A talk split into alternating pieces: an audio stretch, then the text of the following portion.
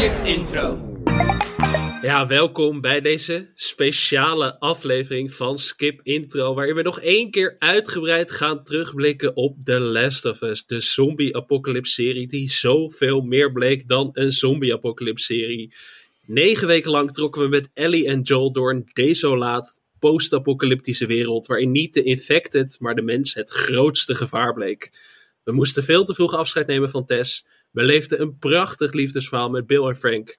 Stonden oog in oog met Kathleen in Kansas City, sloten een kortstondige vriendschap met Sam en Henry, keken oude films in Jackson, ontdekten hoe leuk een roltrap kan zijn met Riley, zetten een canni- cannibalistische secteleider op zijn plek met 21 messteken. En wisten eigenhandig alle Fireflies uit te schakelen. The Last of Us was een dondemansrit in een achtbaan die met iedere bocht weer een andere emotie bracht. Maar het zit er nu op. En uh, het is tijd om dat in deze aflevering nog één keer uitgebreid te gaan nabeschouwen. En dat ga ik, Alex Maasreel, niet in mijn eentje doen. Ik heb niet alleen Anke tegenover me zitten deze week, maar ook een, ja, toch een vriendin van, van de podcast. Meermaals te gast geweest bij de recaps van House of the Dragon. Maar bovenal ook groot fan van The Last of Us. Volgens mij zowel van de game als van de serie. Ik heb het natuurlijk over Danielle Kliwon. Hoe is het, Danielle? Ja, gaat goed. Ik ben echt blij om hierbij te zitten en even nog een laatste keer helemaal los te gaan en uit te nerden over The Last of Us. Dus thanks voor de uitnodiging. Ja, we gaan het iets anders doen dan uh, ja, de, de patrons zullen weten hoe wij de recaps hebben aangepakt. Wij deden dat altijd scène per scène eigenlijk. Dat gaan we nu niet doen, want het wordt een hele lange podcast dan. We, gaan, uh, we hebben het opgedeeld in categorieën, dus... Uh, favoriete aflevering, beste gastrol, welke scène brak je hart het meest? Dus we gaan dat heel gestroomlijnd doen voor ons doen, Anke. Dat is ook wel eens volgens mij. En ja, waar kun je beter beginnen dan bij het einde? Want uh, aflevering 9 is net uitgezonden. Het was een seizoen met 9 afleveringen in plaats van 10 afleveringen. Dus het zit erop.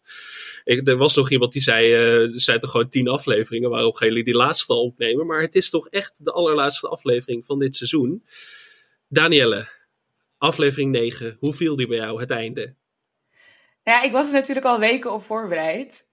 En aan het begin van de serie was het voor mij heel erg van... oké, hoe gaan ze dit aanpakken? Hoe trouw blijven ze aan het spel? En naarmate er meer afleveringen kwamen, werd al heel snel duidelijk... ze blijven heel trouw aan het spel. Dus in principe was aflevering 9 geen verrassing. Maar tegelijkertijd was het ook... oh my fucking god, nee, doen ze het echt zo? Oh, dit, dit. En was er weer een soort van rollercoaster aan emoties. Zelfs al wist ik exact wat er zou gebeuren toch was er iedere keer weer een moment van verrassing. En het, het einde, het is ook gewoon een, ja, we kunnen gewoon helemaal spoilers doen, want het is al uit en het is de recap. Het is ook alles zeggen, ja. Het is ook zo'n prachtige parallel met de eerste aflevering. Met, met Sarah en met Joel en hoe hij haar draagt. En dan met Joel en met Ellie's uh, surrogaatdochter en hoe hij haar draagt. Er zitten zoveel gelijkenissen, overlappingen, knipogen in. Alles komt samen. En ik had, ik had vrij veel kritiek op aflevering 8 waarvan ik vond dat dat een beetje de plank missloeg. En uh, qua emotie en de gevoelsband tussen Ellie en Joel miste ik wat.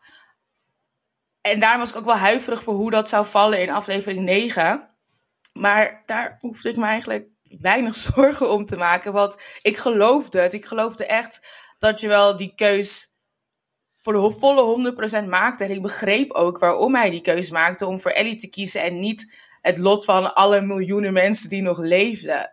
In principe heeft hij door voor Ellie te kiezen de, de rest van de mensheid verdoemd. Maar ik snapte ja. het. En ik was het er. Dat waren ze toch al? Ja, dat, dat waren ze inderdaad al. Maar er was nog een sprankje hoop en dat is nu gewoon weg.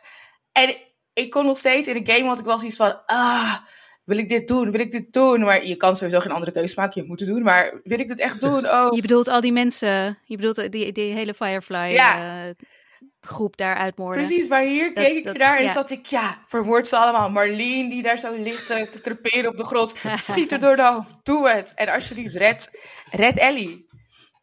Maar het is ook ja. weer super, super bitterzoet, want die band tussen hun is gewoon onherstelbaar beschadigd. Als ze hem vraagt, terwijl ze boven Jackson staat van, lieg je tegen me of niet? Die paar seconden stilte zijn voor haar genoeg om te weten dat het volle leugen is. Dus ik ben ook heel benieuwd hoe dat... Uh, verder gaan. Maar nee, op je vraag te beantwoorden, want ik ga natuurlijk heel veel uitstapjes alweer maken. Nee, het was echt een top aflevering. Een, een perfect einde voor wat mij betreft een, een geweldig en hoogstaand seizoen. Anke, ik heb jou horen zeggen dat je, dat je ook wel wat moeite had met Joel die iedereen doodschoot. Vooral omdat je moeite had met... Uh, je vindt Pedro Pascal zo lief en dan gebeurt dit ineens. Ik, uh, ja, ik, ik heb uh, Joel en Pedro Pascal echt in mijn hart gesloten. Dat had ik ook al wel een beetje, maar nu helemaal. En ik, ik, hij in die hele um, het hele seizoen eigenlijk werd er al vaker gesproken over wat hij allemaal had gedaan en, en hoe heftig dat allemaal was. Maar in nou, de vorige aflevering natuurlijk hebben we dat veel gezien. Hebben we gezien hoe hij gewoon een aantal mensen ja, martelde en uh, doodmaakte. Die wat mij betreft niet had hoeven doodmaken, want ze zaten redelijk goed vastgebonden daar in die woonkamer. In, waar was het ook alweer?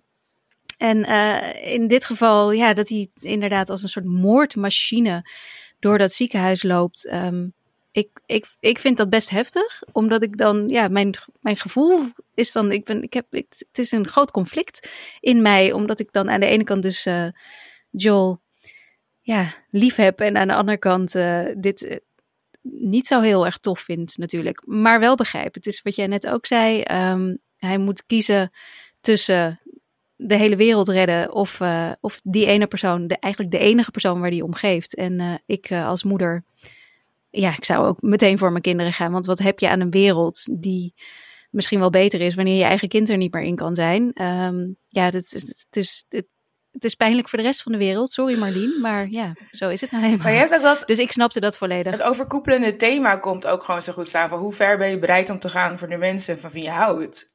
En heel ver ja. dus. Nou, en wat hij natuurlijk niet kon bij Sarah, wat jij zei inderdaad, die, die parallel met die eerste aflevering waarin hij haar draagt en uh, waarin hij nu Ellie weer draagt. Uh, hij, de manier inderdaad, waar, zijn gezicht als die Ellie van die operatietafel afhaalt en, en naar haar kijkt en hoe hij ook wel vaker in die aflevering naar haar kijkt, omdat hij er, hij heeft er kunnen redden. Mm -hmm. Het is niet te laat, hij heeft het kunnen doen. Dat is ook wat, wat je ziet in zijn gezicht. En dat ja, is ook alweer... Uh, was ook weer mooi. Maar dat, deze hele serie is gewoon één en al, ja, inderdaad, een achtbaan van emoties. Ik weet gewoon iedere seconde niet meer wat ik moet voelen en wat ik moet denken en voor wie ik moet zijn eigenlijk. Dus uh, ja, hele ervaring. Ik vond het, ik vond het prachtig. Ik vond het een heel heftig laatste hoofdstuk van, uh, van deze, dit eerste seizoen. Ja, en toch, toch had ik uh, in de laatste aflevering wel van, oh, er komt nog een, een groot naar spektakel met de Infected of zo. Maar er zat natuurlijk maar één Infected in die hele aflevering. Dat is best wel ook verrassend. Zou je kunnen denken, nou niet voor jou dan Daniel, omdat je de game hebt gespeeld, denk ik. Maar... Zitten er in de game ook zo weinig Infected? Nee, toch? Nee, mega veel. Alleen, dat, dat, dit, die gevechten Oké, okay, nu lopen we vooruit op, het, op, het, op de categorie, categorie die we hebben. Maar één punt wat ik ook had, er zitten veel minder gevechten, veel minder klikkers in dan in het spel. En de focus wordt echt gelegd op uh, de personages en de emotie en de onderliggende relaties. En dat is ook heel erg logisch, want je kan die, die questen uit het spel, kan je, de quest, questen? De quest uit het spel, quest, kan ja. je niet één op één kopiëren naar het medium televisie. Dat is gewoon niet mogelijk. En in het spel moet je vechten. Ik bedoel, het is, het, we kunnen noemen wat het wil, maar het blijft een third-person shooter. Dus er moeten zombies zijn die je moet neerknallen. Maar dat, dat biedt voor de rest helemaal niks aan het plot of de verhaallijn in een serie. Wat je wel dus hebt, is dat heel veel dialoog en heel veel groei die Ellie en Joel doormaken, zit in die gevechten met uh, zombies. En dat zit dus niet in een serie. En dat, ik denk dat daar ook af en toe een beetje schaaft dat was voornamelijk in aflevering 8 voor mij tot uit te komen. Ik gewoon niet snapte waarom ze nu opeens zo begaan waren. En dat dat baby girl. En ik, oh my god, ik, ik was daar emotioneel gezien nog niet. Maar ik vind het heel moeilijk om, lastig om te hmm. zeggen of dat is omdat ik dus het spel heb gespeeld. En die emotionele band anders wordt opgebouwd. En dat ik daarom uh, het gevoel heb dat er iets mis. Of dat er ook daadwerkelijk sommige delen te snel zijn gegaan. Oh, dat, ik vind dat heel grappig, want wij hebben het er in de recap voor de uh, patrons uitgebreid over gehad. Dat uh, ik in aflevering 8 het baby girl moment was voor mij compleet logisch. Dat was een soort van ja, opluchting dat hij eindelijk, eindelijk kon toegeven aan, aan die enorme hoop, gevoel die hij voor Ellie heeft ontwikkeld in, in al die maanden dat hij met haar aan het rondtrekken is en al die keren dat hij haar gered heeft en zij hem gered heeft en wat ze allemaal hebben meegemaakt. Dus Baby Girl was voor mij echt fantastisch. En juist in aflevering 9 had ik af en toe een beetje, moest ik zo wennen aan Joel die zo ehm, ja, bijna Agressief vrolijk was en is. zo liefdevol. En ja, agressief, dat, dat ben ik dan wel al een beetje gewend. Maar juist het feit dat hij dat niet meer, dat hij zo vrolijk naar haar toe was en dat hij zo, zo overduidelijk zijn liefde voor haar toonde, daar moest ik nog heel erg aan wennen eh, in deze aflevering. Dus de nieuwe Joel. Maar dat is ook wel een stukje Eh, wat je genoeg. mist in die... Doordat die gevechten er niet bij zitten. Want ze maken heel vaak grapjes terwijl ze zombies doodmaken. En daar komt al die lieflijke kant denk ik wat meer naar voren. En dat heb je hier dus niet. Maar wel grappig dat jij dus bij aflevering 9 had. En ik bij aflevering Ja. 8. En Alex, waar, wat had jij in deze? Voor mij werkt het sowieso wel eigenlijk. Ja, al in aflevering 8. Ik weet niet. eh, ik, maar misschien komt dat ook gewoon door, door de band die je hebt met acteur Pedro Pascal of zo. Dat, dat... De laatste weken kwamen er alleen maar filmpjes waarin hij fantastisch was op de rode loper of in talkshows en zo. En dat, dat helpt gewoon heel erg bij de gunfactor die je voor Pedro Pascal hebt. En dat is dan ook makkelijker te transformeren tot het personage van Joel, denk ik. Dat ik eigenlijk alles al van hem aanneem. Dat hij de ene scène twintig mensen doodschiet en de andere babygirl zegt. Ja, dat ik denk, ja, het is gewoon een hele lieve man. En eh, boeien dat hij die, al die mensen neermaait. Dat kan mij niet meer schelen op zo'n moment. Dus Ik moet wel zeggen dat ik aflevering 1 en 2 van het nieuwe seizoen van The Mandalorian heb gekeken voordat ik aflevering 9 keek. Dus misschien dat dat inderdaad zo van de overdracht is van de vadergevoelens die hij voor Grogu heeft in The Mandalorian. dat ik dat dan projecteer op Ellie.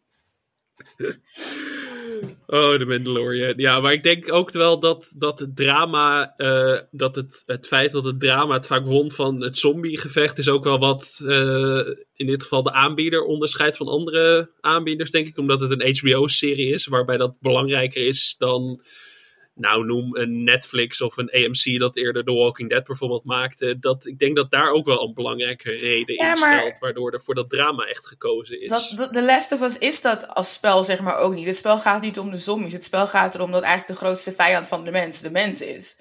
En Ja. de zombies zijn de setting daarin, maar het draait uiteindelijk altijd om die menselijke relaties. Dus dat hebben ze bij HBO heel goed begrepen. Maar waarschijnlijk ook omdat, ik bedoel, eh Duckman, Druckman, dus de bedenker van de serie.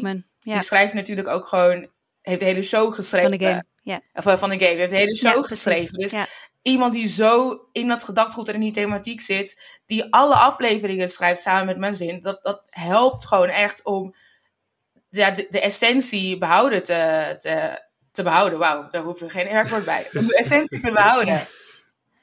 Ja, nee, en ook het feit dat inderdaad, eh, bijvoorbeeld die openingsscène van aflevering 9, waarin je de moeder van Ellie ziet als ze bevalt van Ellie, op, op vreselijke wijze, Ehm, de, die komt voort uit het feit dat Neil Druckmann dus aan Craig Mazin vertelde van, hé, hey, ja, dit was eigenlijk nog iets wat ik heel graag wil doen, maar dit eh, heeft, past er niet meer in de game, want die, deze daadwerkelijke scène zit er volgens mij niet nee, in. niet hè? in Left Behind. Het is sowieso een DLC. En het idee was inderdaad om wel meer achtergrond van en Anna en erin te zetten. Anna, maar ja. uiteindelijk is het toch meer gefocust op Ellie. Dus ik was wel ook wel heel blij om dit kleine stukje nog even te zien.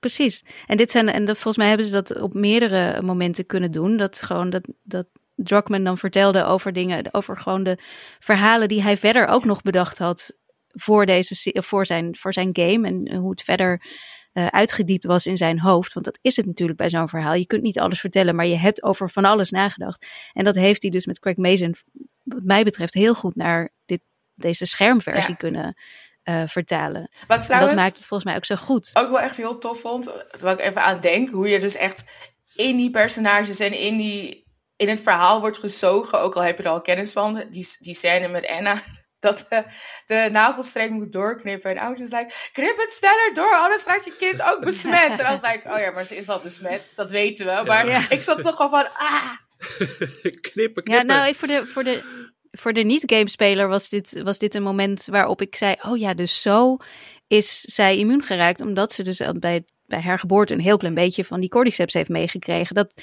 dit was voor ons wel. Ik weet niet of je dit in de game wist, maar ik, ik vond dit wel een. eh, niet zo ehm, expliciet. ja, voor mij was het nog niet duidelijk natuurlijk daarvoor. Dus dit ook niet in de game. Weet je dat? Ja, dat, Nee. dat ik Left Behind heb gespeeld is echt lang geleden. Left Behind, moet je even uitleggen? Eh, dat, is een, dat is een uitbreiding eh, van het, het normale spel, zeg maar zo'n downloadable content, I guess. Was het DLC voor? In ieder geval extra content. En daar duikt ze dus dat verhaal van Riley. En eh, Ellie, Mhm. dat zit ook dus in Ja. die DLC. En dat is een extra sidequest die is uitgekomen nadat de game al uit was. Oké, kijk. Dat leer, dan leren we toch weer wat, hè, Alex? Ik, Maar er zijn- eh, er zijn ook gewoon lang alleen vier- maar over de Last of Us Het gepraat. zijn ook gewoon vier graphic novels waar nog meer dieper op de achtergronden van al die personages in wordt gegaan. Ge- ge- uh, wij houden het bij de serie. Dat, dat, eh, als we dat ook nog allemaal tot ons moeten gaan nemen, Anke, dan hebben we echt geen leven meer. Dan eh, moeten al, al die Ja, maar- series al kijken en dan ook nog alle extra content erbij. Niet nog meer media erbij. Is wel gelijk een antwoord op jullie vraag van hoe lang kan de serie nog doorgaan? Forever! Er is genoeg te vertellen. Oh, gelukkig eh, gaat het bij HBO wel goed met het op tijd eh, stopzetten van series eh, de laatste tijd. Dus Tot heden wel, eh, ja.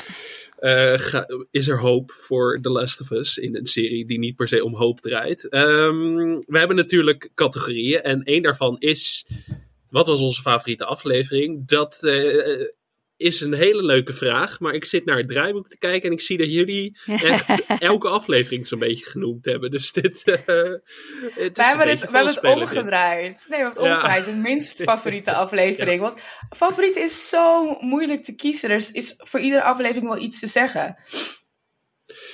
Klopt. Ja, klopt. En eens, eh, ja. het makkelijkste antwoord zou natuurlijk aflevering 3 zijn. Dat is ook mijn antwoord natuurlijk. Maar aflevering 3 voelt bijna als een losstaand geheel of zo. Dat het nog een soort van boven de serie hangt. Als een soort van Hmm. ja, extra fantastisch iets binnen het universum of zo. Dus nou, het zou te makkelijk zijn om dat te noemen. Eh, Danielle, jij eh, wilde dus ook niet één aflevering noemen. Jij hebt eh, vooral je minst favoriete afleveringen genoemd. Eh, kun je daarover uitweiden?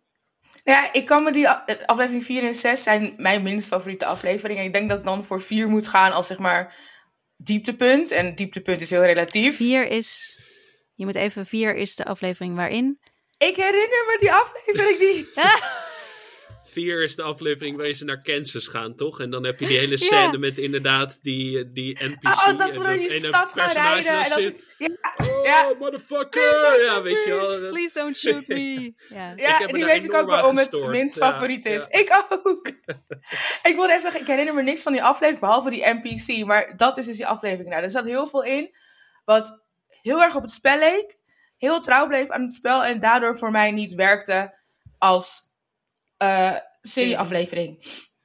Maar ik zou het nog steeds Ja. gewoon een, een dikke 8, 8,5 geven. Dus ja, minst favoriet is heel relatief. Nee, ik ben het daar wel mee eens. En dat komt dus vooral door dat ene personage. Omdat alle acteurs zijn goed in deze serie. De meeste acteurs zijn briljant. acteur. En hij was zo slecht. Hij was zo... Het was echt alsof je gewoon iemand het GTST ineens in het les had gedropt of zo. Ik kon daar Hoe echt kut niet moet dat voor hem zijn? Ja, Hij denkt, dit is mijn breakthrough rol. luistert. Ja. Maar jezus, wat, ja, dat was eigenlijk het enige moment in deze serie waarvan ik dacht, had dit er maar uitgeknipt. Had dat overlaten, opnieuw laten inspreken door iemand die gewoon een zin kan uitspreken. En niet zo van, oh motherfucker, I'm gonna kill you. Ja, oké. Maar dat nee, heeft dus gewoon die hele er aflevering blijkbaar voor mij gedevieerd. En daardoor ben ik dus de rest vergeten. Ik weet het En ook aflevering niet meer zo 6 goed. vond jij ook. Ja. Aflevering 6 heb jij ook opgeschreven. Dat is toch Jackson, of niet? Ja, ja. nou En ik, ik heb heel erg genoten eh, van Tommy. I love Gabriel Luna. Was geweldig als Robbie Reyes in eh, Agents of S.H.I.E.L.D. Nog steeds heel jammer dat die serie is gestopt. Maar goed. Eh, maar afgezien van Robbie vond ik het niet een hele spannende aflevering. En ik kon er zelf heel weinig eh, satisfaction uithalen. Waarschijnlijk ook weer, denk ik. ik. Normaal ben ik heel goed met het scheiden van een medium. Oké, dit is een boek, dit is een film, dit is een serie, dit is een spel. Eh, het is niet hetzelfde, dus andere verwachtingen. Maar ik had hier ook van, oh, waarom gaan we nu al naar Jackson? We zien Jackson niet eens in het spel. What are we doing? En de hal- halve aflevering was ik daar een beetje over aan het zeiken in mijn hoofd. En Hmm. het gesprek met Joel en Ellie vond ik echt top. Was echt geweldig. Dat was wel echt een keerpunt in de relatie. Maar voor de rest van de aflevering vond ik gewoon minder. Je hebt niet zitten huilen? Je hebt niet zitten huilen bij Joel en Tommy? Nee. Wat ben jij voor een mens? nee, ja, de- ik vond dus aflevering 6 wel. Ik vond Jackson heel erg leuk. Ik vond het super fijn om, om eindelijk in een, ja, in, in, een, in een wat minder treurige wereld te zijn. Ehm, en ik vond, ik vond vooral, ik vond Pedro Pascal in deze aflevering fantastisch. Echt, want dat heeft mijn hart echt gebroken in deze aflevering. Vooral met die Tommy-scène in de, in de schoenenwinkel. Really? Nou moet ik wel zeggen, Anke, dat jij wel elke week zei dat je om iets hebt moeten huilen. Ja. Dus in hoeverre dat Ja. zeg maar tekenend is, weet ik ook niet zo goed. Maar ik ben het wel met je eens, die Ja. monoloog van Pedro Pascal tilde die aflevering wel boven de middelmaat uit. En die filmclub Ik was waar ik heel juist erg door met die- geïnspireerd was. Ja, die filmclub die wij ook willen Ja. beginnen, toch? Maar ik had juist heel erg Welke die- film wil jij zien vader. als je in een apocalypse? Danielle, welke film zou jij terug willen zien als, als je in zo'n wereld leeft? Mm, ja. Dus, eh, Die had ik ook in het rijboek moeten zetten. Ik overval je. ten things I hate about you. Oh ja, goeie. Nee, goeie. Ja, nee, hele goeie. Het was het eerste wat in mijn hoofd opkwam. En toen wil ik, was ik naastig aan het zoeken naar een andere film. Maar ik het eigenlijk niet wilde zeggen. Maar er kwam niks anders in Deze mijn was niet cool genoeg. Nee joh, hartstikke cool. Het is een safe Is space. Ledger? Nee, maar waar had jij het bij, Danielle, wat je net zei? Want eh, die, die emotie dan? Oh, eh, als, als Pedro tegen Ellie zegt, van, ja, ik ben niet jouw vader, je bent niet mijn dochter. Wanneer hij haar eigenlijk afstoot in een slaapkamer. Hmm. Dat, dat had, had ik wel iets van... Oh my god, what are you doing, daddy? Maar voor de rest, nee, de rest niet, niet echt. Kwam rechtstreeks uit het spel, toch? Ja, Die scène. wel een andere slaapkamer, maar rechtstreeks uit het spel inderdaad. Maar het- oké, nee, aflevering 6 verdient het inderdaad niet. Van het einde was wel weer heel sterk. Dat ze worden aangevallen, hij raakt gewond. We zien hun als de vijand, de slechte mensen. En twee afleveringen daarna zien we eigenlijk dat het heel relatief is wie de antagonist en de protagonist is. Want iedereen is de helft in zijn eigen verhaal. En Joel en Ellie zijn net zo goed villains als alle andere mensen die in die wereld leven. Ja, want dan blijkt hij gewoon ja, ook maar de vader van iemand te Precies. hebben gedood. Ja, Anke, nee, absoluut. als ik nu dreig met, een, eh, met het sturen van een infected naar je huis als je een favoriete aflevering moet kiezen, welke kies je dan? Dit, ik wil antwoorden in deze aflevering. Ehm, nou ja, dan, dan zeg ik Bill en Frank, maar gewoon voor de afwisseling. Eh, ik vond de mal ook heel erg leuk. Ik heb ook heel erg genoten van ja, die nostalgie die de aflevering met Riley eh, ja, in mij naar boven haalde. Gewoon het feit dat ze überhaupt naar bandjes luisteren, waar ik toch aan twijfel nog steeds of we dat wel gaat doen. Maar, eh, en ehm, welke muziek er voorbij kwam. En, en de roltrap die zo'n feestje bleek voor haar. En gewoon de manier waarop voor Ellie eh, die hele wereld fantastisch was. En ook wel een beetje nostalgie naar, naar zo'n winkelcentrum zoals ze hem uit de films van, eh, ja, toen ik jonger was. Ten things I hate about you. kende. Ja, Precies, precies. De, de beste tienerfilms uit Amerika, die speelden toch wel allemaal in zo'n mall af. Eh, dus eh Clueless ook eh, veel mall scenes en zo. Ik, ik, vond het, eh, ik vond het heel leuk. Ik, eh, ja, maar Bill en Frank was wel de beste serieaflevering tot nu toe van het jaar. Dus daar valt ook weer bijna niet tegen op de box. Dat valt trouwens wel op. Ik, ik ga nog even IMDb checken. En de, de homofobe, conservatieve Amerikanen, ik, ik noem het maar Oh. allemaal Amerikanen, maar gewoon mensen, hebben natuurlijk weer hun best gedaan. Want dat zijn wel echt de laagste ratings van alle afleveringen. Hij is gereviewbomd, hè? Ja, Ja. dat klopt, ja. Echt zonde. Ja, dat zag ik. Echt, wauw. ja, ik heb dit eerder Mensen. gezegd. Fix your hearts or die. Eh, Dit is in dit geval een beroemde uitspraak Ja. van David Lynch. Dat, dat ik denk, ja, voel je dan lekker groot of zo? Wat, wat ben je dan voor een zielig figuur? En dan, ja, Precies, ja. extra reden voor ons om hem uit te roepen tot eh, de beste aflevering. En dan eh, Ja. gaan we gezamenlijk lekker haten op aflevering 4. Want dat is dan de enige aflevering die misschien eh, enigszins teleurstelde als ik ons zo hoor. Ik moest trouwens ook Eh. huilen bij die aflevering met Riley. Daar, was wel één traantje, gewoon puur omdat hun seksualiteit hebben ze net soort van is aan het ontpoppen. De band verandert. Er is zoveel om naar uit te kijken. En het wordt in één keer... Vond ik ook heel erg eh, ehm, ja, lijken op, op de klassiekere horrorfilms natuurlijk. Dat zodra er geluk is, eh, gaat het mis. Eigenlijk En ik- komt het monster. Dat is natuurlijk ook waar, waar gewoon Ellie's ehm, survival guilt begint. Ja, zoals ze zegt in aflevering 9 inderdaad. Het begon bij Riley, die ze ja, die ze moest doden. Wat, uh, wat die aflevering voor mij ook uh, tot een van de betere maakte, was de gastrol van Storm Reed, die Riley speelde. Uh, dat is meteen een heel mooi bruggetje naar de volgende categorie. Want wie had nou de beste gastrol in dit seizoen? Vind ik wel mooi, Danielle, dat jij, dat je daar ook een goede keuze in hebt gemaakt. Volgens mij heb jij elke naam opgeschreven die in deze serie een rol heeft gespeeld. Dit was mijn denkproces. Ik, was, ik ging iedereen opschrijven en dan elimineren. Maar ik ben uiteindelijk tot twee namen gekomen. Oké, oké. Heel goed, heel goed. Um, oké, special shout-out naar Gabrielina nogmaals. Robbie Reyes, love him. Tommy. Maar... Tommy speelt, ja. Uh, ik denk uh, Ubu Ratna Pertiwi, die wordt gespeeld door Christine uh, Hakim en Jonathan Cooper, die die wetenschapper in de proloog van aflevering 2 speelt. En in, in Indonesië. Ja. ja, dat zijn twee personages die totaal niet in het spel zijn. Twee scènes die bedacht zijn voor de show, zeg maar exclusief aan de show zijn. En die zo sterk zijn. Jonathan, die laatste scène van, uh, wat was dat? Then I'm afraid it will be the last of us. Dat, dat gaf me kippenvel toen ik het hoorde. En de volgende aflevering, aflevering 2 is dan volgens mij met Ibu Radna. Dat ze daar, daar is en dat die fungus gaat onderzoeken. En dan hoort dat er veertien uh, mensen zijn ontsnapt of niet zijn gevonden uit die fabriek. Dus ze weten al, dit gaat zich verspreiden. Er is geen weg terug. En dan zegt ze, can you please take me home? I want to spend whatever time is left with my family. Dat was echt, oh, kippenvel. Je weet, dit gaat nooit meer goed komen. We, we moeten ons klaarmaken voor een soort van rollercoaster van heartbreak en tranen. En het, was, die twee rollen, denk ik, zijn voor mij wel heel definiërend geweest. Zoals ze echt hele kleine gastrolletjes hebben. Maar zo ja. Zoveel intensiteit. Ik, vond inderdaad dat, dat ze dus die tweede aflevering in Jakarta openen met deze vrouw die. Uh, ik bedoel, je ziet wel wat. Je ziet natuurlijk dat, dat vreselijke moment waarop ze dat, die, die, die sporen uit die mond haalt, zeg maar. Dat was heel naar. Maar aan de andere kant, wat er gebeurt, is vooral dat zij daar op, ja, op die bank zit en, en trillend haar kopje thee pakt. En vervolgens inderdaad zegt van, nou ja, bombardeer de boel maar, want het is klaar. Ik wil nu naar mijn familie. Dat je die angst in haar ogen, echt super goed gespeeld inderdaad, waarmee je... Weet je, wel, je hoeft niet te zien dat de hele wereld in, in chaos uh, ontpopt. Je hoeft niet te zien hoeveel mensen er gebeten worden en vervolgens zo'n zombie worden. Het feit dat zij hier zo bang voor is, is genoeg. Is alles wat je moet weten en nog meer eigenlijk. En maakt, maakte mij veel angstiger voor wat er komen ging dan, ja, dan iedereen inderdaad uh, snel lopende zombie had kunnen doen. Ik vond dit ook heel erg effectief. En zo'n goede keuze.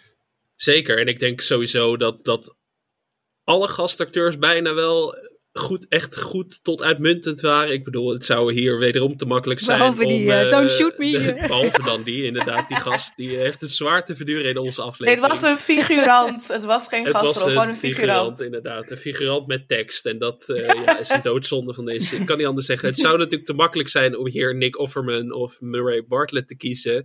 Dus ik heb ook die hebben allemaal niet genoemd. Die hebben allemaal niet genoemd. Maar dat ligt sowieso voor de hand. Dat die is staat eigenlijk, beetje, dat ja, die staan boven ja. de rest. Ik heb ook lang gedacht aan Melanie Linsky, omdat ik haar toch wel echt ik heel ook. intimiderend en eng vond in deze serie. Terwijl ik haar Die normaal ogen. juist altijd heel erg lief en sympathiek vind overkomen in heel veel series. Nou ja, Yellow Jackets dat, wordt daar ook mee een gespeeld trouwens. lieve maar- stemmetje van haar. Ja, Yellow werd- Jacket is ook psycho. Oh is my ze god. ook psycho. Maar dat, dat kan ze heel goed. Vooral dus omdat ze zo kalm is de hele tijd. En dat vond ik zo goed werken ook weer. Ook die ene scène dat ze in haar... Wat is daar oude slaapkamer staat. eh, Waarin ze dan vertelt over haar broer. Dat vond ik wel echt een... Ik vond haar gewoon doodeng. Omdat ze zo kalm praat. En gewoon zo, zo'n lieve stem heeft inderdaad. En dat was zo effectief. Ja, een kinderjuf. Maar ik ga Ja. dan toch, eh, dat is in hetzelfde stramien van aflevering 4 en 5, Henry en Sam. Gewoon, eh Ja. even kijken, Woodard en Lamar Johnson, die echt fantastisch waren. Allebei waren ze echt heel erg goed. En die hebben denk ik na Bill Frank en Melanie Linsky de meeste indruk op mij achtergelaten. Omdat ik dat echt ook, dat einde van aflevering 5 kwam zo hard binnen. En dat kan alleen als die rollen echt goed vertolkt worden. Dus ja, oh, dat hij zichzelf doodschoot. Als je het Ja, gelooft en oh, voelt. En dat Ja. moment, Zo knap. Deze serie heeft, heeft mij voor zoveel mensen heel veel laten voelen die echt maar minuten of soms één Ja. aflevering top in beeld waren. Ja. Het is gewoon echt bijzonder goed. Ja, en waar andere Ja, series echt, Sam, echt ja. afleveringen lang nodig hebben om personages goed neer te zetten of goed te introduceren of acteurs te laten wennen aan hun rol, was dat hier echt, ja, gewoon Champions League. Ik kan het niet Take note, House of the Dragon. Zo, zeg dat wel. Ja. We blijven lekker haat op House of the Dragon. Ehm, Anke, jij hebt nog twee andere namen opgenoemd, eh, opgeschreven, die ik ook eh, op, mijn, op mijn shortlist had staan. Want daar genoot ik ook heel erg van. Ja, Graham Greene en Elaine Miles, die eh, Florence en Marlon, het mopperende echtpaar in eh, de openingsscènes van aflevering 6 speelden. Ik, dat was ook weer zo'n moment waar nou ja, House of the Dragon ook van kan leren. van lucht en, en humor in deze serie, in deze, deze verder zo grauwe wereld. Eh, wat waren deze twee mensen grappig en de manier waarop ze met elkaar omgingen en ja, waarop, eh, waarop hij dan vraagt van, eh, je hebt ze zelf soep gemaakt. Ja, Oeh, weet je wel, het was koud. Weet je, echt zo grappig. Ik vond ze zo leuk.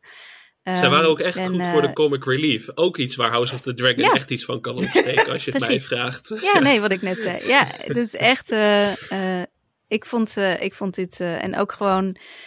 Ja, de manier waarop Ellie en Joel op ze reageerden. En eh, het, het, klopte gewoon heel erg. En daarom zijn ze, wat mij betreft, waren ze echt een hoogtepunt. En ik eigenlijk. Al, al deze gastacteurs waren heel, heel sterk. Het is natuurlijk ook ontzettend leuk dat er heel veel mensen uit de game. eh dus stemmenacteurs uit de game terug te zien waren. Vorige week hadden we natuurlijk de stemacteur die eigenlijk Joel doet. Jij weet zijn naam misschien meteen uit je hoofd, Danielle? absoluut niet. Aaron something. Nee, zo heet. Laten we hem voortaan Aaron Something noemen. Dat lijkt me een prima naam voor hem.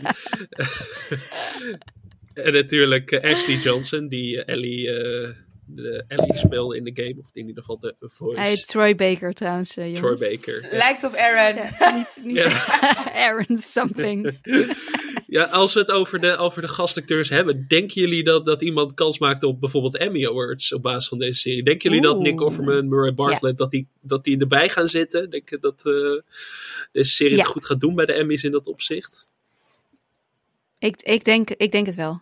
Ja, hè? Ik, ze moeten wel ook weer... ehm en White Lotus wordt misschien ook allemaal in deze categorie eh, gepland. Nee, je hebt gastacteur natuurlijk, geen bijrol. Je hebt ook echte gastacteurs. Dat helpt ze wel, denk Ja, ik. Al nee. zijn dat wel een Ja. beetje de Emmys waar niemand aandacht aan besteedt. Maar, Niemand naar kijkt, want die worden nooit eh, tijdens de... Maar misschien maar. Nick Offerman is volgens mij eh, nooit ja. genomineerd voor een Emmy voor Parks and Rec. En dat is nog steeds zo'n grote Niet? schande in de, in, de, in de seriegeschiedenis dat hij het wel echt verdient, wat mij betreft. Eh, een klein zijpaadje. Volgens mij kwam Parks and Rec er altijd heel bekijkt vanaf bij de Emmys. Volgens mij hebben ze de algemene categorieën wel, maar Nick Offerman is volgens mij nooit genomineerd. Ja. Hij heeft in ieder geval nooit gewonnen, dus dat lijkt me dan eh, de hoogste Nee, ik denk tijd. inderdaad, ik denk, ehm, ik denk dat, dat vooral die wel grote kans hebben. Ja, Nee, hij is inderdaad alleen en maar genomineerd voor die gameshow die hij eh, deed. Dat realityprogramma. Oh, wat erg. Ja, hè? echt over kan grote schandes gesproken. Ja, nee, dat. eh, ja, ja, als er iets is dat mijn hart breekt, is dat het wel. En dat is weer een heerlijk bruggetje naar de volgende categorie. Want we gaan het hebben over de scènes die ons hart het meest hebben gebroken. En dan begin ik wederom bij jou, Danielle. Wat heb jij hier uitgekozen? Het einde van aflevering 3. Ja, Eigenlijk twee scènes in aflevering die. Ehm, het moment dat eh, Bill en Frank. Of dat Bill piano speelt, Linda Ronstadt. Hmm. En dan, dan Wow. vraagt eh, Frank van, oh, van welk meisje is dit? En hij zegt zo, there is no girl. En Frank zegt dan, I know. Oh my god.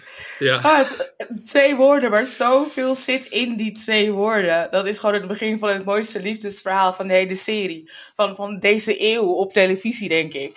ja absoluut. En het, het einde ook, dat die camera dus uitbent op eh, Ellie en Joel die wegrijden. Je hoort Linda Ronstadt.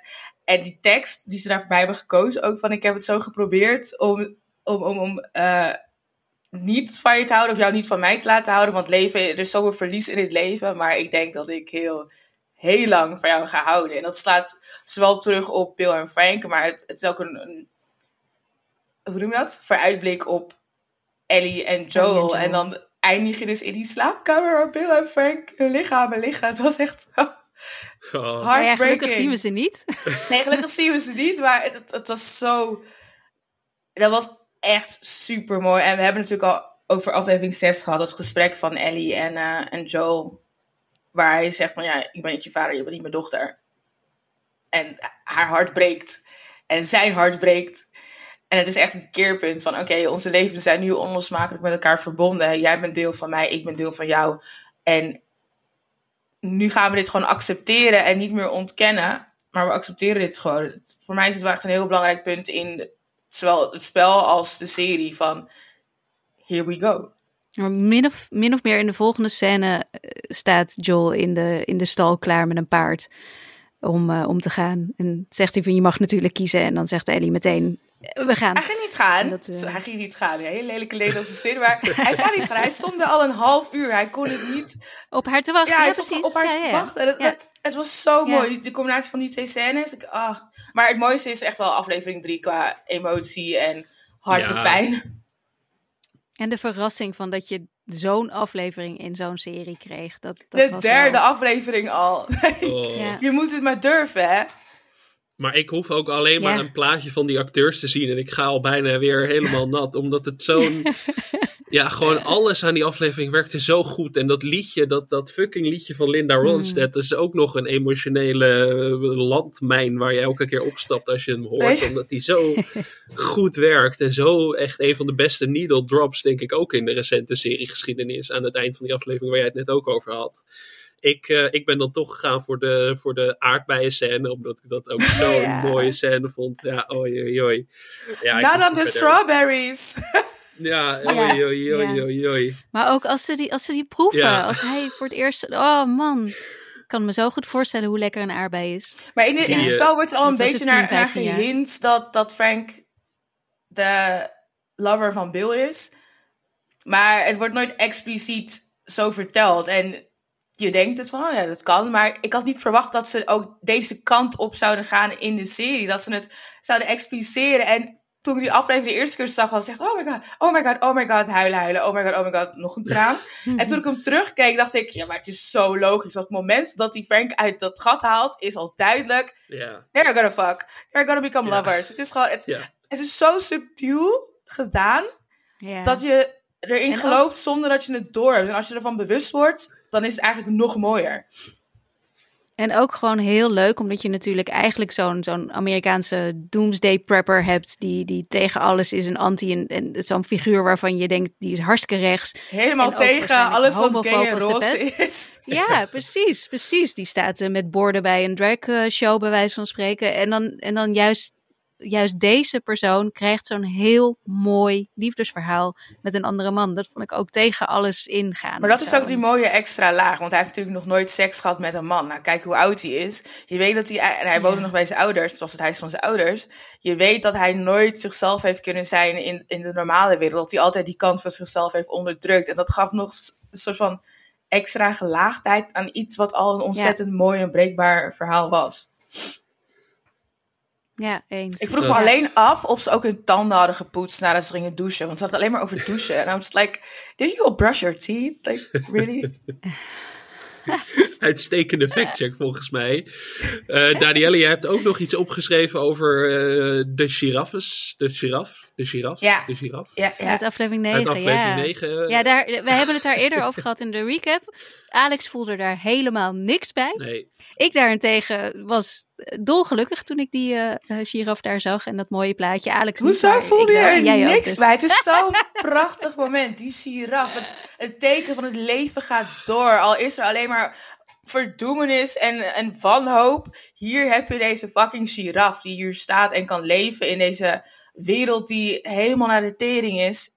En zich staande houdt. Het teken van hoop. En dan ook nog die giraf die zeg maar, weggedrukt was naast die autobanden in eh, aflevering 2. Ja, en nu staat hij gewoon rechtop. Ja, een Wacht even, die weggedrukt was, die, die moet je even terughalen. als ze me. in aflevering 2 de stad ingaan, samen met Tess en Ja. Joel, dan lopen ze over zo'n zo'n houten loopbrug, zeg maar. En langs Ja, verwoeste auto's en autobanden. En dan op een gegeven moment zoomt de camera in op hun voeten. En dan lopen ze langs een girafknuffel die in de Oh. aarde is weggetrapt. Ah. kijk, dat was voor, je, voor mij was dat gewoon iets wat ik zag. eh, maar voor jou was dit Al zei ik, oh mijn god, houden ze de girafscène erin? Ah! En ik werd Deze girafscène kwam uit de game Ja. natuurlijk, ja. ja Ah, Oké, dat oké. maakt hem al iets Kijk, beter. Maar ik ben ja, gewoon het dieren. Ja, weet je, Vonk. Ja, let's go. Nee, dus maar ik, het, eh, het ja. symbool van het Nee, leven het dat doordraait. Weet je, Nee, de Lion King. in. Ja, ja. Hoe heet het nummer van Elton John? The Circle of Life. Dat, Ja. dat, dat was het. Oké, jullie hebben me Ja, overtuigd. ik vond het gewoon een Ja. leuke giraf. Ja. Maar, Het was ook gewoon een leuke giraf inderdaad. Maar... Anke, jouw, eh, Ja. jouw meest hartverscheurende scène. ja, zoals je zei, eigenlijk iedere aflevering zat ik wel weer van... Ja, ik moest hier wel van huilen. En Joel heeft mijn hart weer gebroken. En, eh, ehm, maar misschien is het omdat ik hem recent heb gezien. Maar eh, ik vond de, eh, de scène met Ellie's moeder, ehm, met Anna... eh, gespeeld door de, de actrice die ook eh, de stem in de, in de serie doet. Ehm, Ashley... Nu moet ik even kijken wat ik haar naam... Ashley Johnson. Oh, zo. Ashley Johnson, ja, sorry, ik wil het wel even noemen, want ik vond het eh, super, super goed gecast, omdat ze zoveel Bella Ramsey lijkt. Ja, dat is echt Eh, dat bizar. ik eerst ook dacht dat het een. Ja, ik dacht echt even dat het Ellie in de toekomst was. Omdat ik gewoon vond dat ze er zoveel op leek. Maar het bleek gewoon haar moeder te zijn. Ja, ik heb natuurlijk niet zo heel lang geleden een tweede kind weer gekregen. Dus die baby, die, eh, die, voelde, die voelde heel erg als mijn eigen baby. En ik vond alles daaromheen. Het feit dat ze. Ja, dat ze meteen weet. Deze baby moet zonder mij opgroeien, want ik ben gebeten. Dat ze ook niet zeker weten of, of Ellie niet eh, ehm, zelf ook infected is. Dat ze haar eigen ja, haar eigen leven meteen weer moet opofferen. Ik, ik, ik vond het allemaal heel intens. Heel intens. En ook de hele bevalling is natuurlijk vreselijk dat je dat moet doen. Dat hele helse karwei moet eh, klaren wanneer er een infected bovenop je zit. Al hadden wij in de recap al bedacht dat het misschien wel een goede manier was. Want daardoor had ze niet eens door dat ze Ja. aan het bevallen was verder. Maar eh, ik, vond het, eh, ik vond het heel goed. Ik vond haar heel goed spelen. En eh, eh, ja, ik zat echt te huilen. En zei eh, tegen mijn man die naast me op de bank zat. Hoe kan dit? Ik ken dit personage een paar minuten en ik moet Je ziet er alleen huilen. Ik- rennen ik en het is al van, oh my gosh. Ja. Ik moet wel zeggen, ik had echt een hele, hele rare gedachte bij, ja, aan het einde van aflevering 9. Van, Oké, Ellie is niet weg, dit en dat. Maar in principe zouden we dus ook gewoon allemaal vrouwen zwanger kunnen maken. En dan, terwijl ze bevallen, laten bijten door Ja, een, een klikker. En dan, als de baby eruit komt, snel de navelstreng. En zo creëren we een leger van immune mensen. ja, ja, of je zou al die kinderen kunnen kweken om dat dan uit hun hersenen te halen. Dat klinkt ook wel weer heel eng. Maar, Ja, maar precies dat inderdaad. Want ja. Er zijn opties. En waarom heeft Marlene nooit die opties bekeken? Want ze moet weten, ze, ze wist ook dat dat en, analoog. Dus ze zei, ik ben pas gebeten nadat ik de navelstreng had doorgeknipt. Ja. Ze wist dat dat een Ik, leugen was. ik moet heel eerlijk. Ik moet zeggen dat ik Marlene eh, sowieso wel een aantal dubieuze eh, beslissingen heb eh, zien nemen hoor. Ik vond niet alles. Ik, dat ze Joel laat gaan eh, in aflevering 9 bijvoorbeeld. Ja, jeetje. Dat was natuurlijk gewoon. Je had, ze had dit volledig kunnen voorzien allemaal. Ja. Ook het feit dat zij in dat ziekenhuis is. En terwijl ze Joel de opdracht had gegeven om Ellie daar naartoe te brengen. Ze had dus Ellie ook zelf daar naartoe kunnen brengen. Ik, Ja, ik vond dat wel een beetje. ik weet het niet. Dus eh Marlene eh, vertrouw ik eh, niet. Ook het feit dat ze, dat ze die moeder niet meteen wil doodschieten. Natuurlijk doe je het wel. Als je, goede vriend, als je van iemand houdt, dan bespaar je hen het lot. Zoals, zoals Ellie Riley heeft gedood. Nou ja, dus ik, ah, I don't know. Maar, ehm, maar ja, ik vond, ik, het, ik vond het toch, ondanks Marlene, een hele, hele goede scène. En weer trouwens, waarin ehm, iemand werd gedood zonder dat je het ziet. Wat, eh, wat ook Kathleen heeft natuurlijk eh, haar eh, kinderarts, die ze zo bruut neerschiet, dat zag je niet. En zo heeft, heeft de serie heel vaak juist moorden buiten beeld gedaan. Behalve dan in de laatste aflevering dat Joel als een moordmachine rondgaat. Maar verder vond ik dat altijd ook wel een hele goede keuze. Het, het ging niet om ja, de sensatie, maar meer om het gevoel heel vaak. Jij stipt al En even dat, wat dat was deze scène. dingen aan, Anke, die wat minder goed werkten. Dat is meteen een goede overgang naar de volgende vraag die we onszelf gesteld hebben. Zijn er dingen die niet werkten of anders hadden gemoeten? Daniel, ik begin wederom Ja. Marlene dus. Marlien, ja. Eh, aflevering 8, die hele aflevering.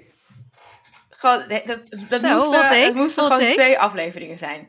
En De dit, cannibale secte. Ja, de, de cannibale secte inderdaad. Er was geen moment dat ik eraan twijfelde dat David een cannibalistische secteleider was. En dat neemt gewoon heel veel weg van dat moment. Want hoe... Joel die ligt al dagen op bed. Die kan helemaal niks. En vervolgens gaat Ellie op zoek naar eten. Dus komt een man tegen die gelijk weird vibes geeft. Eh, die vibes worden bevestigd. Joel, wat jij ook heel raar vond, Anke, heeft een soort, soort van miraculeuze resurrectie. Ja. En Opleving. It all burns down en klaar. En ik miste zoveel uh, subtiliteiten en gelaagdheid daarin. Het feit dat, waarom zou Ellie met die man meegaan? Waarom zou ze dat doen? Ze is inmiddels al zo gehard. Ze heeft al zoveel meegemaakt. En het enige dat ze dat doet, is omdat David zich in de eerste instantie opstelt als een soort van barmhartige Samaritaan en haar helpt. En dat stuk is, voor mij een essentiële scène die daar is weggelaten, dat ze samen vechten tegen die klikkers. Als je dat er al bij doet. Want dat doen ze in de game. Ja, dat doen ze in de game. Ja, precies. En als je, als je dat erbij doet, dan, dan verandert het al die dynamiek. Want het punt van die hele David is om te laten zien dat good guys bad guys zijn en bad guys zijn good guys. Weet je, dat, dat is ook het vervolg van dat uh, Joel die vader doodt.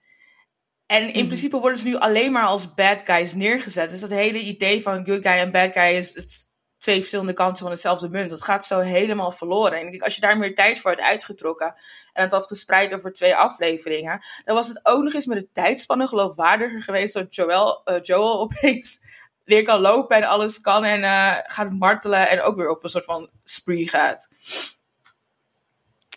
Ja, dat, dat laatste dat, uh, had inderdaad wel beter gewerkt. Ik moet wel zeggen dat voor mensen die de game dus niet hebben gespeeld, uh, en ook wat ik wel online tegenkwam, is dat, dat er toch eigenlijk wel goed beviel dat dit niet juist meerdere afleveringen uh, ja, in beslag genomen. Dit, dit voelde ook wel als iets waar een andere serie dan heel veel tijd aan had besteed. En wat in dit geval dan weer gewoon eigenlijk zo lekker kort wordt, wordt meegenomen. Wat ik zelf ook alweer heel erg prettig vond. Want ik vond, het, ik vond geen fijne wereld. Ik had hier niet per se aflevering na aflevering in willen zitten. En ik vond hem inderdaad wel vanaf seconde één vond ik David naar. En wist ik dat er iets niet klopte. En je wist meteen dat er iets met het vlees niet klopte. En je wist meteen dat al die mensen doodongelukkig waren. En, dus, dus, en ik vond het ook wel heel dat zij met hem uiteindelijk bij dat vuurtje gaat zitten. Dat vond ik ook wel weer kloppen. Want zij hield hem op zich onder vuur. En uh, onder schot moet ik zeggen. Uh, en ze was aan het wachten op dat medicijn voor Joel. Dus ik, ik. Het enige wat ik echt niet geloofwaardig vond, was inderdaad hoe snel Joel kon opstaan. en allemaal mensen kon vermoorden en uh, vervolgens weer helemaal oké was. Dat vond ik niet Adrenaline. En het feit dat zij zomaar die, die, die enorme spuit vol met, uh, uh, met medicijnen in die wond stopt. ja. Ik bedoel, ze had hem ook kunnen vermoorden gewoon hoor, omdat ze te veel had. ja. En die aflevering voelde gewoon niet compleet, denk ik. En dat me voornamelijk stoorde van... Het is niet compleet. En het, het is een van de sterkste uh, delen van de quest in het spel. Dus ik denk dat dat voor mij persoonlijk dan nog een grotere teleurstelling was. Want ik vond het geen slechte aflevering. Het is niet mijn minst favoriete. Maar het, was gewoon niet compleet. Het, alle andere afleveringen heb je zoiets van die houden zich heel erg staande tegenover het spel. En bij deze had ik wel echt zoiets van. Uh. Ja, dan is dat toch wel, wel grappig hoe je uh, ja, wel beïnvloed wordt door het feit dat je dus al het verhaal al kent uit een ander medium. Net zoals dat je wanneer je inderdaad uh, boeken, bijvoorbeeld Fleischman is in Trouble is recent verfilmd. En dat ja. is heel trouw aan het boek wat ik heb gelezen. Het Te vond trouw, oh my god, zo trouw. Ja, ik vond, het dus, ik vond het dus heerlijk, omdat ik het boek zo heerlijk vond. Uh, dus het, het, is precies. Ja, ik heb het boek ja. niet gelezen, dus. Nou ja, kijk, en ik, had, ik heb de game niet gespeeld en vond dus deze aflevering. Uh, ik heb niet dezelfde bezwaren als uh, dat jij had. En ik vond het eigenlijk wel fijn dat het er snel doorheen ging. Behalve Alex, Joel dus. Ja, behalve Joel, ja. ja. Nee, ik sluit me grotendeels bij jou aan, Anke. Ik had ook vooral bij Joel, dat dacht ik wel van. Komt jullie wel heel goed uit hoe snel die alive en kicking is? Dat, dat, dat, dat is denk ik ook het enige in dit seizoen wat echt. Nou, samen met de acties van Marlene, die inderdaad, ik dacht in de laatste aflevering van. eh, Echt en de NPC. De, de, Mark Rutte van de Fireflies. maar hoe makkelijk dit allemaal gaat. En ik denk, jeetje. Ja, een beetje gek is het allemaal wel. Dus, maar ja, ik vond de wereld ook niet per se prettig. Dus ik was ook wel blij dat we er snel uitgaan. Misschien zat er gewoon iets in de casting ook. Dat dat Zeg maar, hij was, hij ik, was ik vond het prima, wel, ik maar vond hem hij echt was... gigantisch goed gecast. Ja? Ik maar kreeg juist echt omdat hij al zo van eng hem. was vanaf het begin. Dat, dat, Ja, maar dat ik maakt denk- het Ja. misschien... Ik, misschien leg ik het ook verkeerd uit, want het is gewoon een keuze die ze hebben gemaakt om het op deze manier te doen. En door hoe ze het hebben gedaan, werkt wel. Maar ik had het liever op een andere manier gedaan, waarin dus wel die goede kant van, van David ook naar voren komt. En als we kijken naar de keuzes die we hebben gemaakt om het gewoon echt een heel naar te maken, dat je gewoon kippenvel hebt en een soort van on, onbehagen je bekruipt terwijl je naar die aflevering kijkt, dan werkt het ook heel goed. En, en uh, Scott, Scott, ik was de achternaam vergeten. Shepard. De acteur die, Shepard, die doet het. Oh, die achternaam is ook al gewoon secteleider. Ja. Shepard. maar hij doet het geweldig. Hij doet wat er van hem gevraagd wordt binnen de, de keus die ze voor het verhaal hebben gemaakt. Alleen, het stoort me gewoon omdat het kon zoveel beter. Maar dat, dit is gewoon hoe is dat, Tolkien Taliban? Het is gewoon spel Taliban spelen. En zeiken van, die aflevering voldeed niet aan hoe het in het spel ging, dus vind ik hem niet leuk. En ik ben er heel erg van bewust dat dat het is. En ik probeer jullie ervan te overtuigen om naar mijn Taliban-kant te komen. Maar dat is niet gelukt. maar ik zie wel, je had in het uh, draaiboek geschreven dat Joel dus in het spel maanden ja. in, dat, in die kelder Ja, twee, drie maanden volgens uh, mij. Ja, dat, ja, dat had wel wat logischer geweest, inderdaad. Dat, wat dat betreft ben ik, het, ben ik het met je eens, kom ik naar jouw kant. Maar aan de andere kant vond ik de aflevering zoals die staat ook wel heel erg goed. Ik neem de kleine overwinning. Oké. Okay. Heel goed. Okay. Ja, dan is het toch tijd om een beetje te gaan vooruitblikken, denk ik al. Want het seizoen zit er natuurlijk op. We weten dat er een tweede seizoen aankomt. HBO was er als de kippen bij om dat seizoen aan te kondigen. Aan jullie de vraag. Makers hebben gezegd dat er ook een derde ja, seizoen dat komt, dat in de lijn der verwachting ja. ligt. Maar aan jullie de vraag, ja. waar hopen we op voor volgende seizoen? Danielle. Misschien moeten jullie eerst. Ik heb deel 2 ook gespeeld. Oh ja, jij mag eigenlijk niks zeggen oh, natuurlijk. Ja. Jij weet het al. Ja, nou ja, ik, uh, ik vrees vooral. Ik, ik, ik weet het niet. Dit, uh, het, het was toch wel een onheilspellend, onheilspellend einde, omdat je gewoon inderdaad zag, uh, Ellie gelooft hem niet. Ja ze kiest er wel voor om met hem mee te gaan. Dus ja, ik neem aan dat ze in Jackson zijn in het volgende seizoen. Um, ja, ik zou best willen, dat heb jij ook opgeschreven, Danielle, dat ze daar een heel fijn leven hebben met schapen en uh, uh, wat dan aardbeien. ook allemaal. Maar en aardbeien, veel aardbeien. Maar ik, ja, ik ga er toch een beetje van uit dat het niet zo is. Ook omdat je anders gewoon geen serie hebt. Um, dus ik, ik ben vooral bang tussen, voor ja, hoe het tussen Ellie en Joel gaat zijn. En, en ik ga er ook vanuit, ik ging er helemaal van uit dat Joel namelijk in aflevering 9 dood zou gaan. Ik weet niet waarom, maar daar had ik me helemaal op voorbereid. Um, dus nu heb ik dat gewoon overgezet naar seizoen 2. Ik ga er helemaal van uit dat hij in seizoen 2 dood zal gaan. En daar ben ik me ook alweer klaar aan, voor aan het maken. Want ja, hè? Pedro Pascal.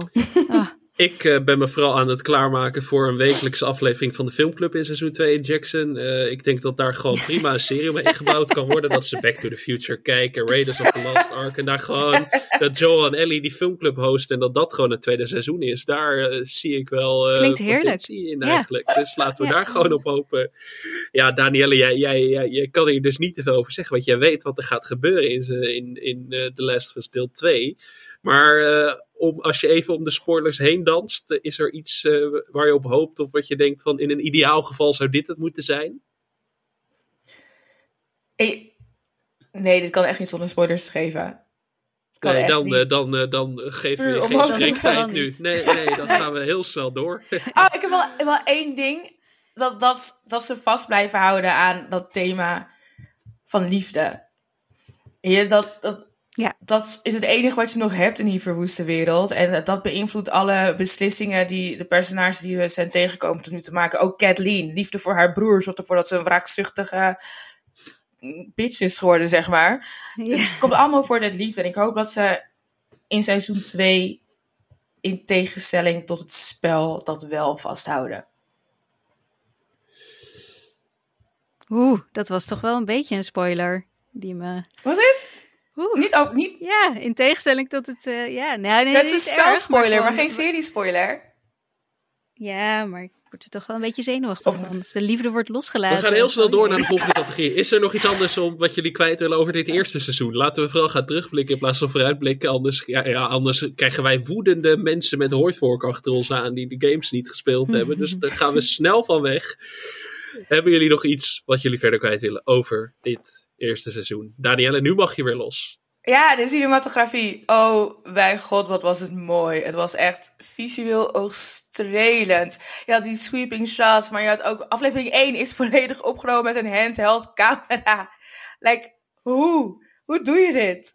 En het, eh, ze, ze haalden dan inspiratie uit Saving Private Ryan en Aliens. En oké, Saving Private Ryan zie ik ook wel heel erg terug. Maar ook die, die shots over de schouders. Zodat je dus ook echt het gevoel hebt dat jij het personage bent. Maar tegelijkertijd ook weer dat, dat third person point of view ook in het camera-standpunt te werken. Zonder dat de overgangen ergens storend zijn. Het is, het is zo mooi gedaan. Ik kan er alleen maar respect voor hebben. Ik heb echt meerdere interviews gelezen van de, die twee uh, cinematografen die het meeste werk hebben verricht. En iedere keer denk ik, oh mijn god, hoe heb je dit bedacht? Hoe, hoe werkt jouw brein? Vuur als primaire, primaire lichtbron. Game of Thrones, take note. Vuur kan dus wel als primaire lichtbron. Er is geen enkele scène geweest waar dingen niet zichtbaar waren. Het, Disney moet hier ook naar luisteren. Klopt. Klopt. Oh, ja, het is... daar, daar heb ik nog niet eens over nagedacht. Ja. het- het- Terwijl heel veel, er is geen elektriciteit in veel van die delen. Het is, het, het is, ik heb er geen woorden voor, ik loop helemaal vast, maar het is zo goed gedaan. ik blijf maar Technische denken kant, aan, echt top. Aan die idioten die toen bij die ene aflevering van House of the Dragon zeiden... Het Ja, ligt aan jullie tv, het ligt niet aan de Ah, belichting. je hebt zeker Ja, geen OLED-televisie. oh Zo, de mythe toch op, joh, belicht die boel gewoon goed. Daar kan ik nog steeds kwaad om worden. Want als je deze serie ziet, eh, het is niet zo heel moeilijk hoor, volgens mij, om het gewoon goed te belichten. Maar goed, Ja, maar het bizarre Het is ook gewoon... Ik, ik las dus in het interview van ja, met, met Carrie, Cozy, maakt niet uit hoe hij heet. Maar hij vertelde dus dat ze vuur als primaire ri- lichtbron hebben gebruikt. En ik dacht, ja, dat zie je, want er is heel veel vuur. Maar hoe hebben die dat dan belicht? En ik maakte nog helemaal niet de connectie dat toen hij zei vuur als primaire lichtbron, dat hij ook echt bedoelde dat niet alleen op het beeld, maar ze hebben alles verlicht met vuur. Ze hebben daadwerkelijk in sommige scènes vuur gebruikt om zeg maar, de juiste toon en setting te krijgen. Hoe ziek goed moest je dan zijn? Ja, dat is, dit is eh, zeker als je dan terugdenkt aan House of the Dragon. Echt vakmanschap. Bijzonder. Dus ik denk, ik denk dat dat is het enige Ja. wat ik nog wilde zeggen. Dat dat echt. Zijn er ook Emmys en prijzen voor? ja, zeker. Zeker. Win het, Ja. alles. Ik, eh, ja, nee, helemaal mee eens. Nou, en wat mij betreft mag ook eh, degene die de muziek eh, heeft samengesteld een prijs winnen. Want die vond ik ook zeer sterk. Van inderdaad de, de geweldige needle drop van eh, Linda Ronstadt tot eh AHA en eh, andere heerlijke jaren tachtig nummer. Het nummer wat eh, de dochter van Craig Mazin zingt in aflevering, wat is dat? Zes? Ja, zes toch? Aan het einde van Ja. zes, wanneer Joel daar op de grond ligt. I'm taking a ride with my best friend, zingt zij dan heel verdrietig. Ik, eh, ik vond het fantastisch. En ik zet eh, de, de soundtrack dus ook regelmatig aan. Ook, de, ook het nummer, gewoon de, de theme, eh, die ook uit de game komt, toch? De theme van eh, de serie, ja. Vind ik ook fantastisch. Die is ook helemaal eh, gegroeid, eh, om het zomaar, om het maar in eh Cordyceps termen te, te houden. Hebben jullie trouwens, mag ik heel even iets wat ik net ontdekt, dat hebben jullie misschien al gedaan. Maar als je de of Us googelt, misschien moeten jullie het heel even doen. Ga ik jullie doen. dat doen? Dan komt er namelijk een klein paddenstoeltje onder aan je beeld te staan. Daar moet je eens op klikken. Oh my god! De cordyceps groeien voor je ogen omhoog. Het is echt heel tof. Ik had het dus niet. Ik heb het, het paddenstoeltje Oh, het blijft ook groeien maar als je... Oh my god, het gaat door! Ah, het gaat door. Ah. Oh jeetje. Oh, dat had ik zelf nog niet eens gedaan. Oh, mijn hele pagina is weg. Oh jongens, dit is cool. Oh. Dit is het einde van Heel ons. tof. Ja, wij gaan hier, ik ga hier gewoon uren mee Ja. doen. Ik stop niet meer. Ik heb geen Het zin gaat ook podcast. Ja, het gaat ook. Wauw. Oké, extra bonuspunten hiervoor in ieder geval. Eh, als we al niet enthousiast genoeg waren, zijn we het nu wel. Ah, Oh my god. Sorry, ik ben nog steeds aan het drukken en er komen nog steeds. Oké, nee, nu is het nee, is nog het steeds is toch wel gewoon cool eigenlijk. Hè? Ik bedoel, eh, dat is de Echt conclusie wel, die ja, we toch wel een trekken, denk ik. Ja, wat David in de vorige aflevering zei natuurlijk. Hè? Ja. Oh lord. Maar, en Alex, had jij nog iets wat je nog even wilde aanspreken? Nou, we hebben het helemaal niet over Anna Torf gehad, die natuurlijk Tess speelde. Eh Anna Ja. Torf, eh, Ja, is dat ook een gastrol? Kun je dat zien als een gastrol? Ja, bij ze zat er zo bijrol? in. Twee, drie. Ja, bijrol Bij, ja, ja. ja. Ja, omdat ze, ja, misschien iemand die in meer Drie dan één aflevering... Ze zat natuurlijk in de Maar ja, dan zou. Gabriel Luna ook een bijrol zijn.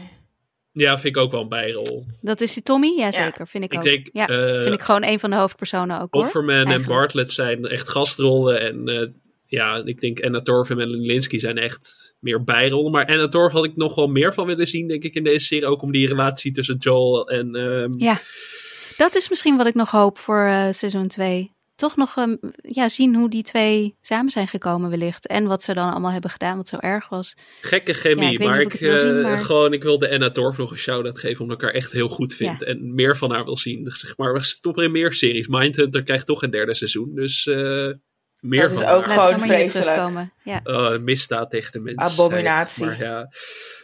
Om af te sluiten, Danielle, is er nog iets wat je kwijt wil over de verschillen tussen de serie en de game? Of heb je alles tussendoor wel gezegd? Ik denk dat ik het meeste, het meeste tussendoor heb gezegd. Zijn- In principe zijn er gewoon hele kleine verschilletjes die niet, ja, die niet echt storend zijn, behalve aflevering 8. Maar dat is gewoon mijn persoonlijke voorkeur, omdat ik echt fan was van dat deel van het spel. Maar eh, Sam bijvoorbeeld, die, eh, die, die is ouder en hij is niet, niet eh, blind. Doof. Doof. Ja, ik heb ook, ik heb ook doof opgeschreven, ik weet niet waarom ik blind zeg. Eh, Tess en Joel. Jullie vinden die relatie super mooi. Nou, dat, dat is echt een serie-ding, want in het spel is dat niet zo. Maar Ze hebben geen relatie. nee, Ah, en ik, ik denk echt dat dit wel gewoon misschien wel de beste game-adaptatie is die ik tot nu toe heb gezien. Ik zou willen zeggen ooit, maar misschien is er eentje die ik nog niet heb gezien die al bestaat. Maar ik ben echt, echt onder de indruk. Heel erg onder de indruk. En het, het liet mij af en toe ook gewoon vergeten dat het een spel was. Dat het gebaseerd is op een spel. Ik, het was zo mooi. En ik werd toch weer verrast, ook al heb ik het spel gewoon meerdere keren gespeeld. Toch wist de serie me gewoon te verrassen en mee te nemen en te raken en te emotioneren. En ja, nee, ik denk echt dat het de beste game-adaptatie is die er ooit is geweest. En waar dat Prisa ligt, ja, daar zou je nog uren over kunnen nakletsen. Maar laten we gewoon accepteren, like, ze hebben hun werk echt heel goed gedaan. Het was echt een genot om naar te kijken. Gewoon maandagochtend extra vroeg opstaan voor werk. Om om zeven uur 's ochtends naar de Last of Us te kijken, weet je. Het was echt... Dus hoe blij was je dat je deze week van ons alvast een screener Oh my god, ik heb hem al drie keer gekeken. I was so happy. Ik heb nog goed. zes keer over. nee, nog Oh, vijf ja, keer heb wat ik over. En ik ga daar, Er zit een limiet aan inderdaad. ik ga daar echt van genieten. Oh, goed Ik ga de heel game Ik moet denk zeggen, ik. Nou, ga ook, eh, ik ben ook van plan om de game. eh, ik, ik weet niet of het er doorkomt hier in huis, maar eh, ik geloof dat Hans ook wel aardig gegrepen is. Hey, er is een remastered Ja. version voor de PlayStation 5 en 4 volgens mij uit. Die echt verbeterd is op alle plekken waar de, de control in de originele game heel kut was. Het richten was echt vreselijk. Ik, heb, ik ben zo vaak doodgegaan met Joel, omdat ik één schuifje niet omkreeg. Wat gewoon niet lukte. Mm. Eén simpel knopje, het ging niet. Dus dat is allemaal verbeterd. Dus het is wel echt het beste moment om in te stappen en te gaan spelen. En ik vind het ook mooi dat Sony gewoon carte blanche heeft gegeven van... Yo, als jullie nog een derde deel willen maken, kan dat gewoon. Ik snap het, na het succes van deze Ja, serie. dat hadden ze ook al, eh, zeg maar, Sowieso ook. sowieso al. En het feit Ja, dat, dat Druckmann... Druckmann. Druckmann. Dat hij dus gewoon zegt, ja, we gaan alleen een derde spel maken als er ook een verhaal is om te vertellen. We gaan- geen verhaal verzinnen voor een derde spel. Er moet een verhaal zijn echt. en dan Ja. maken we een spel. Dus ik vind dat echt super mooi. En het geeft, ja, Ik hou van makers die weten wat ze willen vertellen. Precies. En eh, niet doorgaan alleen maar omdat het een succes is. Ja, te gek. Nou, ik ben echt zo blij dat deze serie... eh, ik had er van tevoren echt niet van verwacht wat het uiteindelijk werd. Ik, ik ging daarin en ik dacht, ja, naar een game, zombie apocalypse. Ik weet het niet. Zo mooi als Station 11 kan het nooit worden. En eh, nou ja, dat werd het op momenten... eh, ging het veel meer richting Station 11 dan The Walking Dead. En, eh, ik ben Station blij 11 dat ik heeft mij echt... Halverwege ben ik het gewoon volledig kwijtgeraakt. Ik heb, ik heb genoten van het boek. Ik vond het geweldig. En het begon zo sterk. En I just lost it. En dat, Oh, dat is hier... Oh, nee, die heb ik helemaal verslonden ook. Misschien dat ik de acteurs Net ook gewoon niet chill vond. Nee, dat zal het niet zijn geweest. Want ik vond Bella. Ramsey ook gewoon vreselijk als Ellie de eerste eh, vier afleveringen. Oh, ja? En nu kan ik me... Ja, nu moet ik mezelf echt maar actief herinneren aan waarom ik haar kut vond. Want ik heb haar helemaal omarmd en geaccepteerd. Zij is nu Ellie. Kwam dat omdat je Ellie uit de game, omdat ze, ze ziet er echt wel anders Ja, uit. en los van dat ze er anders uitziet. Ze is gewoon mondiger en minder lief. Ellie was heel lief Oh, en cute, sweet, Echt waar? onschuldig. Wel met een grote mond ook. Maar een beetje American Sweetheart-achtig. hmm. Ook een beetje naïef. Mm. En Ellie in de serie, Bella Ramsey, is gewoon... Ze is gewoon stoer. En tof. En gevormd door het leven wat ze heeft geleid. En de persoon die zij is in de serie is veel logischer, is een logischer gevolg van het leven dat ze heeft geleid dan eigenlijk de Ellie in het spel. Die is te lief voor iemand die zo is opgegroeid als zij is. Ik vind het trouwens wel, nu ik er nog even over nadenk, ontzettend naar dat Marlene, daar heb je er weer, dat ze, dat ze gewoon het kind van, van de beste vriendin, wellicht haar jeugdvriendin, wat het dan ook is, niet aan iemand heeft gegeven om er inderdaad liefdevol op te voeden, maar aan de, aan de Fedra wees, het weeshuis van Fedra. Ik vind het echt heel naar. Wat is Marlene voor een mens? Jeetje. Marlene wordt wel gespeeld door de originele actrice. Dat is één voordeel van Ja, dit het personage. eh, ja. Ja, maar Marlene is Nee, inderdaad... niks tegen de actrice hoor, niks tegen de actrice, maar gewoon, ik, ik vind het, eh, de, het, per- de persoon Marlene, ik, ik snap haar niet. Marlene is gefocust op een eindresultaat. En de mensen die ze tegenkomt, hoezeer ze daar ook om geeft, dat, dat zijn pionnen. Middelen. En zo, zo... Er zit nog een backstory in die in een van die eh, graphic novels wordt uitgelegd. Zo, zo kan zij het leven Ah. doorkomen. Heeft er niet veel opgeleverd, eh, waar maar... tegenkwam. Marlene en die ene guy in aflevering 4, motie van wantrouwen namens Intro. Eh, ik, eh, ik denk dat wij er zijn. Dat we alles besproken hebben. En, eh, nou, ik wil jou heel erg bedanken, Danielle, dat je erbij zat. Thanks dat ik erbij mocht zijn. Extra kennis aan tafel te hebben in plaats van die eeuwige serie wijsneuzen die wij natuurlijk zijn. Dan is het ook fijn om daar een ander perspectief aan toe te voegen. Dus dankjewel, Danielle. We zien jou snel, denk ik, weer een keer in de podcast. Weet er niet waarover, maar je bent altijd welkom. Ehm, Ik kan altijd. Ja, kan altijd. Dat is heel fijn om te weten. En dan, Anke, wij zijn Ga je er... Succession kijken? Oh my god, dat is echt heel erg, maar ik heb Succession nog nooit gezien. Jezus. Nou, dan gaan we je daar Ik heb echt drie afleveringen gekeken en ik wil iedere keer denk ik, oké, ik ga ervoor zitten en ik ga het gewoon achter elkaar kijken. Want ik begin dan aan een aflevering, maar dan ben ik andere dingen tussendoor aan het doen en dan moet ik weer terugspoelen. Je moet wel echt je aandacht erbij Oké, je moet houden. opletten. Ja. Ja, dit valt me echt heel erg tegen, Danielle. Eigenlijk, ja, nee, goed. Ik heb, ik heb hier gewoon geen woorden meer voor. Ik, ik denk dat we heel snel moeten afsluiten na deze opboezeming. Maar wat ik heb gezien, Jij- vond ik geweldig. Ja, Ik heb zo gewoon snel niet mogelijk doorkijken dus. Ja. zo snel mogelijk doorgekijken. Dat gaan wij ook doen met andere series, Anke. We zijn er woensdag weer en dan gaan we het hebben over Ted Lasso. Want seizoen 3 staat voor de deur. Dus eh kun je vanaf woensdag naar gaan luisteren in deze feed. Eh, tot dan, Anke. ja, tot dan.